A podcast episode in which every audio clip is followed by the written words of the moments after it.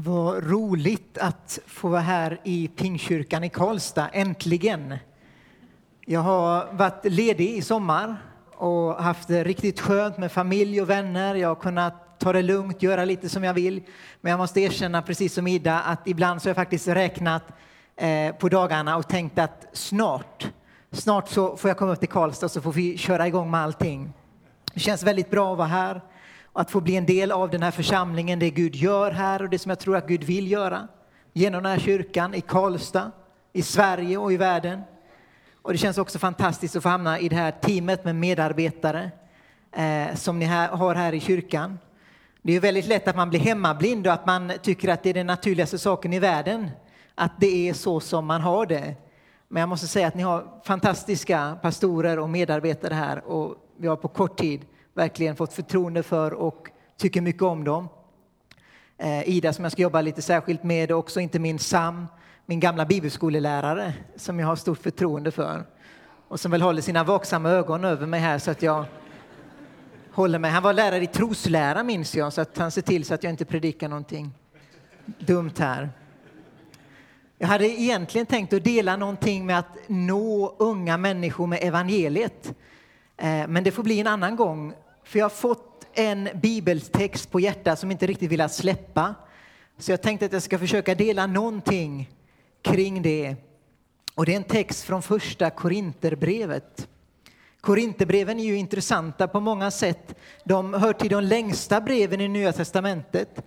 Och de är skrivna av Paulus till en församling och in i ett sammanhang som i väldigt stor utsträckning speglar vår egen tid och kristenheten och samhället i Sverige idag. Och det är inte bara smickrande. Församlingen i Korint eh, den eh, befann sig i en av dåtidens största, rikaste handelsstäder. En multikulturell stad med människor från hela världen med ett smörgåsbord av religiösa traditioner som man kunde plocka och välja bland. Och det var också en stad som var känd för sin promiskuitet. Under en period så hade Afrodite-templet ungefär tusen prostituerade. Och normlösheten i det här samhället gjorde att omvärlden skapade ett ord, att korintisera, som blev synonymt med att leva omoraliskt. Om eh, församlingen i Filippi var lite mönsterförsamlingen, den duktiga, fina församlingen som Paulus kunde skryta med inför apostlakollegorna, om han nu gjorde det, då var nog Korinterförsamlingen lite problembarnet som man helst inte ville tala om eh, och som krävde mycket tålamod och mycket förmaning. Och så skriver han till dem. Han skriver förmanande, men han svarar också på frågor som församlingen har ställt honom. Och det finns mycket som man skulle kunna se på här. Men det finns en sak som han tar upp som uppenbarligen var ett problem för människor då och som har varit det genom historien och som är det idag också. Och det är talet och predikan om korset. Jag tänkte vi skulle se lite närmare på det från första Korinthierbrevet kapitel 1 och vers 18. Första Korinthierbrevet 1 och 18 till kapitel 2 och vers 5. Talet om korset är en dårskap för dem som går förlorade men för oss som räddas är det en Guds kraft. Det står skrivet, jag ska göra slut på de visas vishet och de förståndigas förstånd ska jag utplåna. Var finns nu de visa, de skriftlärda och denna världens kloka huvuden? Har inte Gud gjort världens vishet till dårskap? Ty eftersom världen omgiven av Guds vishet inte lärde känna Gud genom visheten beslöt Gud att genom dårskapen i förkunnelsen rädda dem som tror. Judarna begär tecken och grekerna söker vishet men vi förkunnar en Kristus som blivit korsfäst. En stöttesten för judarna och en dårskap för hedningarna. Men för de kallade judar som greker en Kristus som är Guds kraft och Guds vishet. Guds dårskap är visare än människorna och Guds svaghet starkare än människorna. Bröder, tänk på när ni blir kallade. Inte många var visa i världslig mening, inte många var mäktiga, inte många förnäma. Men det som är dåraktigt för världen utvalde Gud för att låta dem visa stå där med skam. Och det som är svagt i världen utvalde Gud för att låta det starka stå där med skam. Och det som världen ser ner på, det som ringaktas, ja, som inte finns till, just det utvalde Gud för att göra slut på det som finns till, så att ingen människa skulle kunna vara stolt inför Gud. Genom honom finns ni Kristus Jesus som har blivit vår vishet från Gud, vår rättfärdighet, vår helighet och vår frihet. Som det står skrivet, den stolte ska ha sin stolthet i Herren. När jag kom till er bröder var det inte med förkrossande vältalighet och vishet som jag förkunnade Guds hemlighet för er. Det enda jag ville veta av när jag var hos er, det var Jesus Kristus, den korsfäste Kristus. Jag var svag och rädd och full av ängslan när jag uppträdde inför er. Mitt tal och min förkunnelse övertygade inte med vishet utan bevisade med ande och kraft. Er tro skulle inte vila på mänsklig vishet utan på Guds kraft. Talet om korset, det har alltid varit, det är och det kommer alltid att vara en dårskap och en stöttesten för människor. Det finns någonting inom mänskligheten eh, som reser sig upp emot talet om korset. Det väcker avsmak, det väcker ogillande och ändå så är Bibeln väldigt tydlig med att korset och Jesu död, det är grunden för tron, för vår frälsning och det är det som för oss in i en relation med Gud och som gör oss till Guds barn. Världen i sin vishet kommer aldrig någonsin att förstå korset därför att världens vishet utan Gud är dårskap och dårskapen kommer alltid förakta visheten. Det finns olika sätt och olika metoder att eh, nå olika människor i olika tider och på olika platser. Eh, och så måste det vara. Men innehållet i evangeliet, förkunnelsen om omvändelse, om frälsning, om korset, det har alltid varit och det måste alltid vara detsamma. I en tid när vi lätt blir frestade, både som församlingar och som individer, att polera lite grann på de sanningar som är uppenbarade för att lite grann mera passa in, vara lite mera tilltalande i samhället och för människor, då tror jag det är viktigt att vi går tillbaka till Bibeln och till grunderna om korset, om frälsningen och också ställer oss lite grann frågan hur bemöter man och hur svarar man på de invändningar och de frågor som människor faktiskt har kring det som är den kristna trons grund? Det finns många invändningar som människor kan ha, många frågor som man har kring korset och som man kan möta. Eh, men jag har mött framför allt tre stycken som jag tänkte att vi kan se närmare på.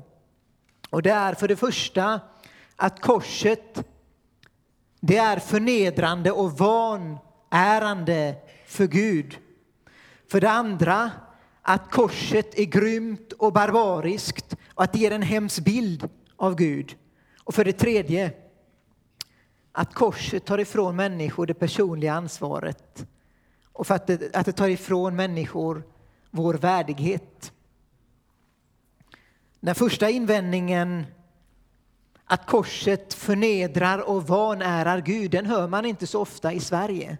Därför att om man tror på Gud i Sverige, då tänker man sig ofta att han är nästan som en jultomte som finns till för mig, för att glädja mig, för att behaga mig.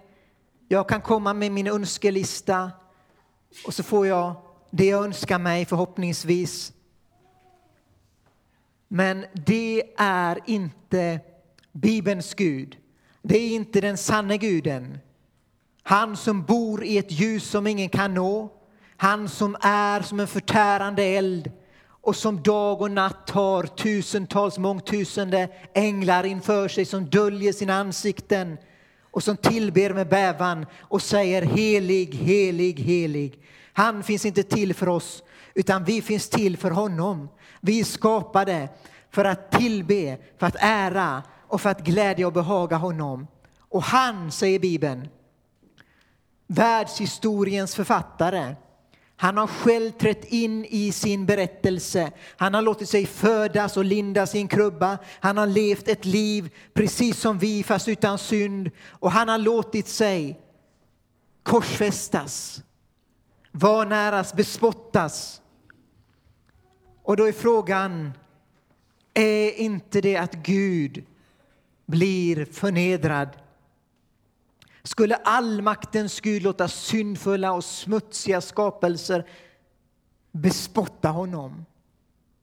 Det är en av de stora invändningarna som många judar har mot evangeliet. Det är en av de allra största invändningar som muslimer ofta har mot evangeliet. Jag läste senast igår en, en muslim som skrev att hur lågt sjunker inte kristna när vissa av dem erkänner att de tror på en Gud som blivit korsfäst och som inte bara blivit korsfäst utan som har blivit korsfäst naken. Vi eh, i våra kyrkor, om man nu har krucifix eller bilder på korsfästelsen så är det ofta att man har någon form av klädnad. Men eh, i själva verket så var det oftast så att man korsfästes helt naken för att helt och fullständigt förnedras. Det finns mycket som är gemensamt mellan olika religioner. Etik och moral, att man ska vara en god människa, att man ska eh, inte ljuga, man ska inte begå äktenskapsbrott, mörda, man ska respektera och hedra sina föräldrar, ta hand om sina barn och så vidare. Men tron på att Guds son göt sitt blod för människor, det är något helt unikt i världshistorien. Och det kan bara förklaras och förstås utifrån ett enda ord. Kärlek. Bibeln säger i Johannes evangeliet kapitel 3 och vers 16 att så älskade Gud världen att han gav den sin enda son för att de som tror på honom inte ska gå förlorade utan ha evigt liv.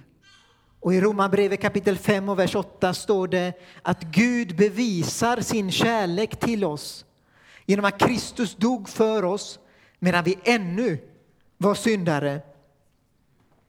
Kritikerna har rätt när de säger att korset är förnedrande för Gud. Bibeln säger i Andra Korinthierbrevet kapitel 5 och vers 21 att han som inte visste av någon synd, han har Gud gjort till ett med synden för att vi skulle få del av Guds rättfärdighet. Det fanns ett ögonblick på korset när Fadern vände bort sin blick och lät sin fulla vrede över synden och ondskan drabba sin älskade son. Han blev offret för vår synd och tog vårt straff, att vi skulle kunna komma till Gud. Och det var ett offer som han var beredd att göra. Han var beredd att gå igenom den mest fullkomliga förnedring för att han älskade oss. Så om du finns här idag som känner att du inte är viktig, att ingen bryr sig om dig, att du inte är älskad, då ska du veta att det finns en som har älskat dig till döds. Han dog för dig för att du skulle leva för honom.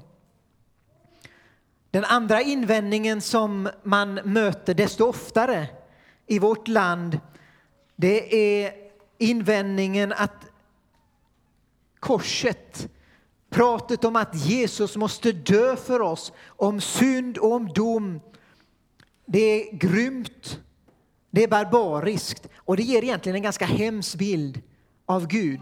Om Gud nu är så god, säger man, så kan han väl bara förlåta oss och säga ja, ni har gjort många dumma saker, men jag förlåter er. Man måste nog nästan vara modern västerlänning för att ställa en så dum fråga, höll jag på att säga. Det finns många också som säger att synden, den finns inte. Det finns ingen synd, det är bara någonting som vi har inbillat oss och någonting som binder oss. Det var budskapet i Kai Pollaks film Så som i himmelen. Det var budskapet, det finns ingen synd. Oroa er inte. Och visst hade det varit fantastiskt om det vore så. Men säg det till den kvinna som har blivit utsatt för de mest fruktansvärda övergrepp. Säg det till den människa som har sett sin familj mördad i ett folkmord. Synden och ondskan finns och de griper omkring sig som cancersvulster. De reser sig upp emot Gud. Men det kommer en dag då Gud ska krossa synden och ondskan. Och vår synd, hur stor eller hur liten den än är, den skiljer oss från Gud som är helt igenom god och helig. Jag kanske är en ganska god människa i mina egna ögon och i andras ögon om jag jämför mig med min granne. Men Bibeln säger att inför Gud så är all min godhet och min rättfärdighet som en smutsig klädnad. Det finns ingenting hos mig eller i mitt liv som jag kan komma med inför Gud. Efter syndafallet så står det om Adam och Eva att de upptäckte att de var nakna. De hade förlorat Guds härlighet och hans helighet och nu skämdes de för varandra och för Gud. Och för att täcka sin nakenhet, för att täcka sin synd så täckte de sig och gjorde kläder av fikonlöv. Men fikonlöv skrumpnar bort. De ruttnar och de faller av, de duger inte som kläder. Och så står det väldigt intressant i Första Mosebok kapitel 3 och vers 21. Vi kan gå dit, Första Mosebok 3 och 21.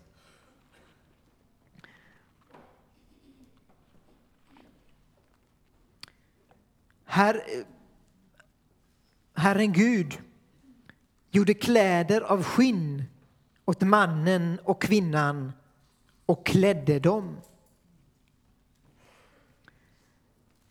Gud klädde de första människorna. Han gav dem kläder som höll. Men för att det skulle ske så måste ett djur dö.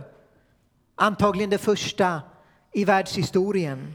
Det behövdes ett offer för att täcka över människornas synd. Hebreerbrevet kapitel 9 och vers 22.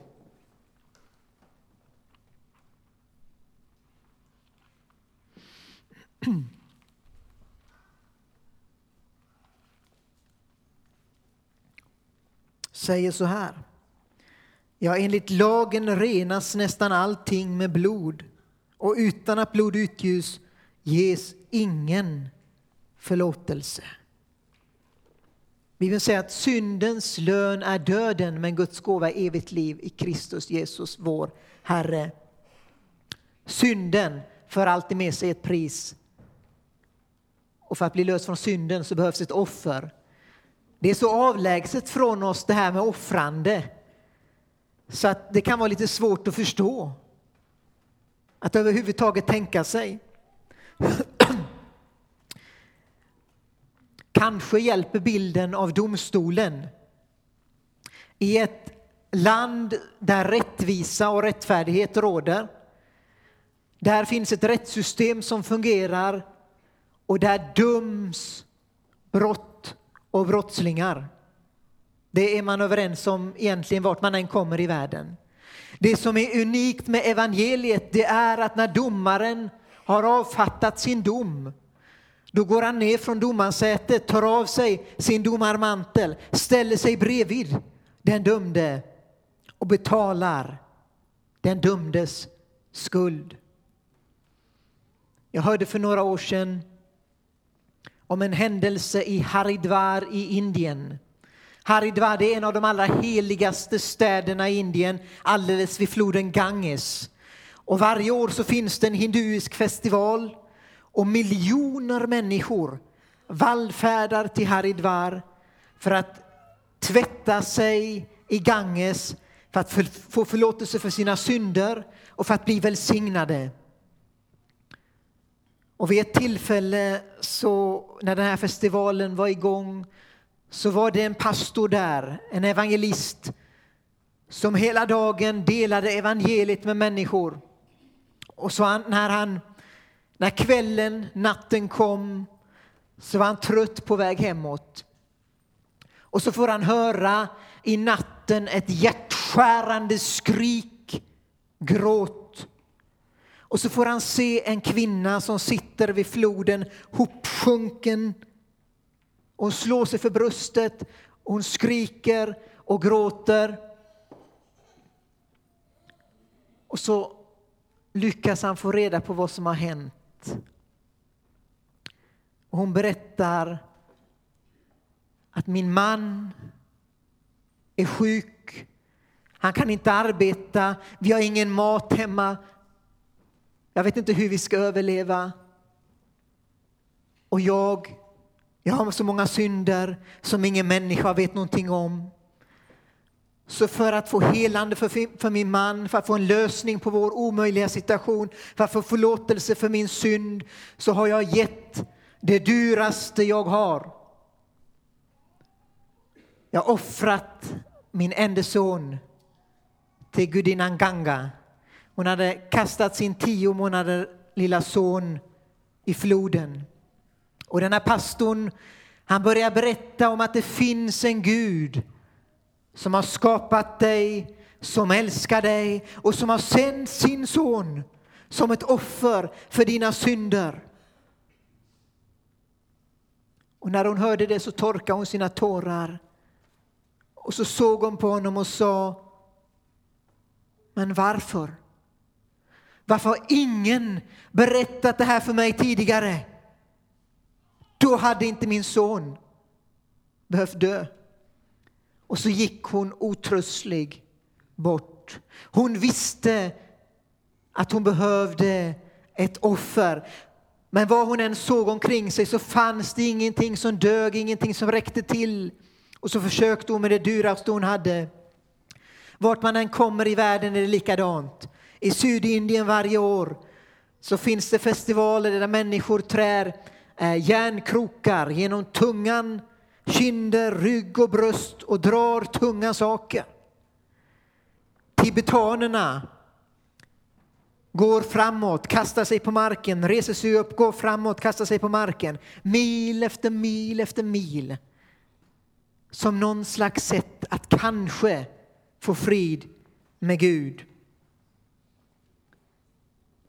Men lösningen, vägen, det är Jesus Kristus och honom korsfäst. Han tog vår dom på sig för att vi skulle kunna få del av hans liv och av hans helighet, hans härlighet.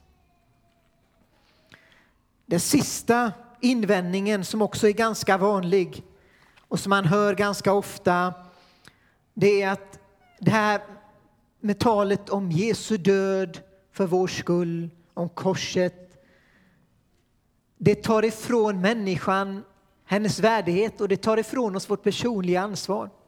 Jag läste en intervju med komikern Claes Malmberg som kallar sig buddhist. Och man kom in på det här med Jesus. Och som många andra så sa han, ja men jag tycker Jesus är jättefin. Han var en fantastisk lärare. Men jag har svårt för det här med korset, att någon annan ska vara ansvarig och lösa mina problem, mina misstag. I buddhismen, sa han, så är varje människa själv ansvarig för sin frälsning. Och han har helt rätt. Så är det med buddhismen och så är det med alla religionerna och också med olika mänskliga ideologier, med politiska ideologier. I socialismens stora sång Internationalen så sjunger man i höjden frälsaren, i höjden räddan vi ej hälsar. Ej gudar förstar står oss bi. Nej, själva vilja vi oss frälsa och samfälld ska vår räddning bli. Och vi vet ju hur det gick det stora kommunistiska projektet, vad det har gjort med länder och med människor. Och det är sant om oss alla egentligen. Vare sig det gäller religion eller politik eller enskilda människors liv så är det som om det finns någonting inom oss som ropar ut ett trotsigt jag kan själv. Jag har förstört det här men jag kan laga det själv. Jag behöver inte dig Gud. Som är trotsigt barn. Och det vet ju ni som är föräldrar och ni som har småsyskon och ni som har varit små hur bra det brukar gå när man kan själv. Evangeliet det tar inte ifrån människor vår värdighet eller vår personliga ansvar, men det ger oss nåd. Det ger oss gratis möjligheten att komma in i en relation med Gud. Bibeln säger i Efesierbrevet 2 och vers 8 att av nåden är ni frälsta genom tron, inte av er själva. Guds gåvärde, inte på grund av gärningar, för att ingen ska berömma sig. Gud älskade oss, varje människa, så mycket att han lämnade himlens härlighet, utstod den värsta förnedring och dog på ett kors för att vi skulle kunna komma till honom. Det är ett budskap som alla människor behöver höra. Och det är ett budskap som vi kallar det att med frimodighet bära fram där vi är. Om det är på jobbet eller i skolan eller vad det än är. Andra Korinthierbrevet kapitel 5 och vers 20 säger Vi är alltså sändebud för Kristus. Det är Gud som förmanar genom oss. Vi ber och Kristi vägnar, låt försona er med Gud. Det är budskapet som mer än alla andra måste prägla församlingen och våra liv. Jag skulle vilja att vi alla här i kyrkan, jag vet inte hur ni brukar göra, men idag i alla fall, att vi blundar. Att vi böjer våra huvuden. Ingen tittar på någon annan. Och så skulle jag vilja ge möjlighet till dig, om du finns här idag som ännu inte har tagit emot Jesus i ditt liv som din Herre och Frälsare och som känner att jag skulle vilja göra det. Jag skulle vilja bli Guds barn.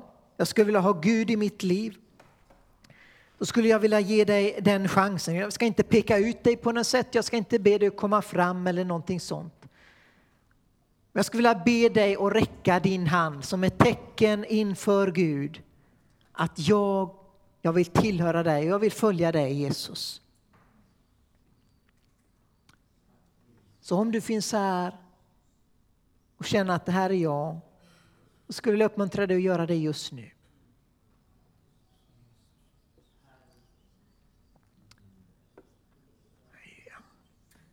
Några som räcker sina händer.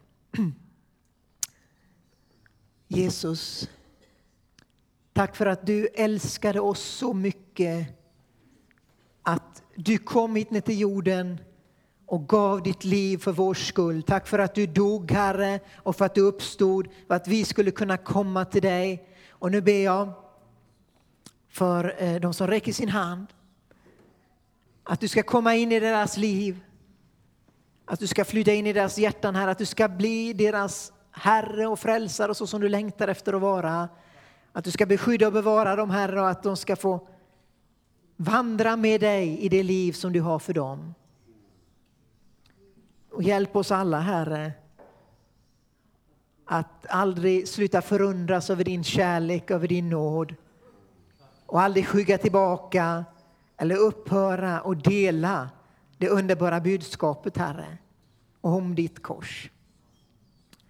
Vad jag ber i Jesu namn. Amen.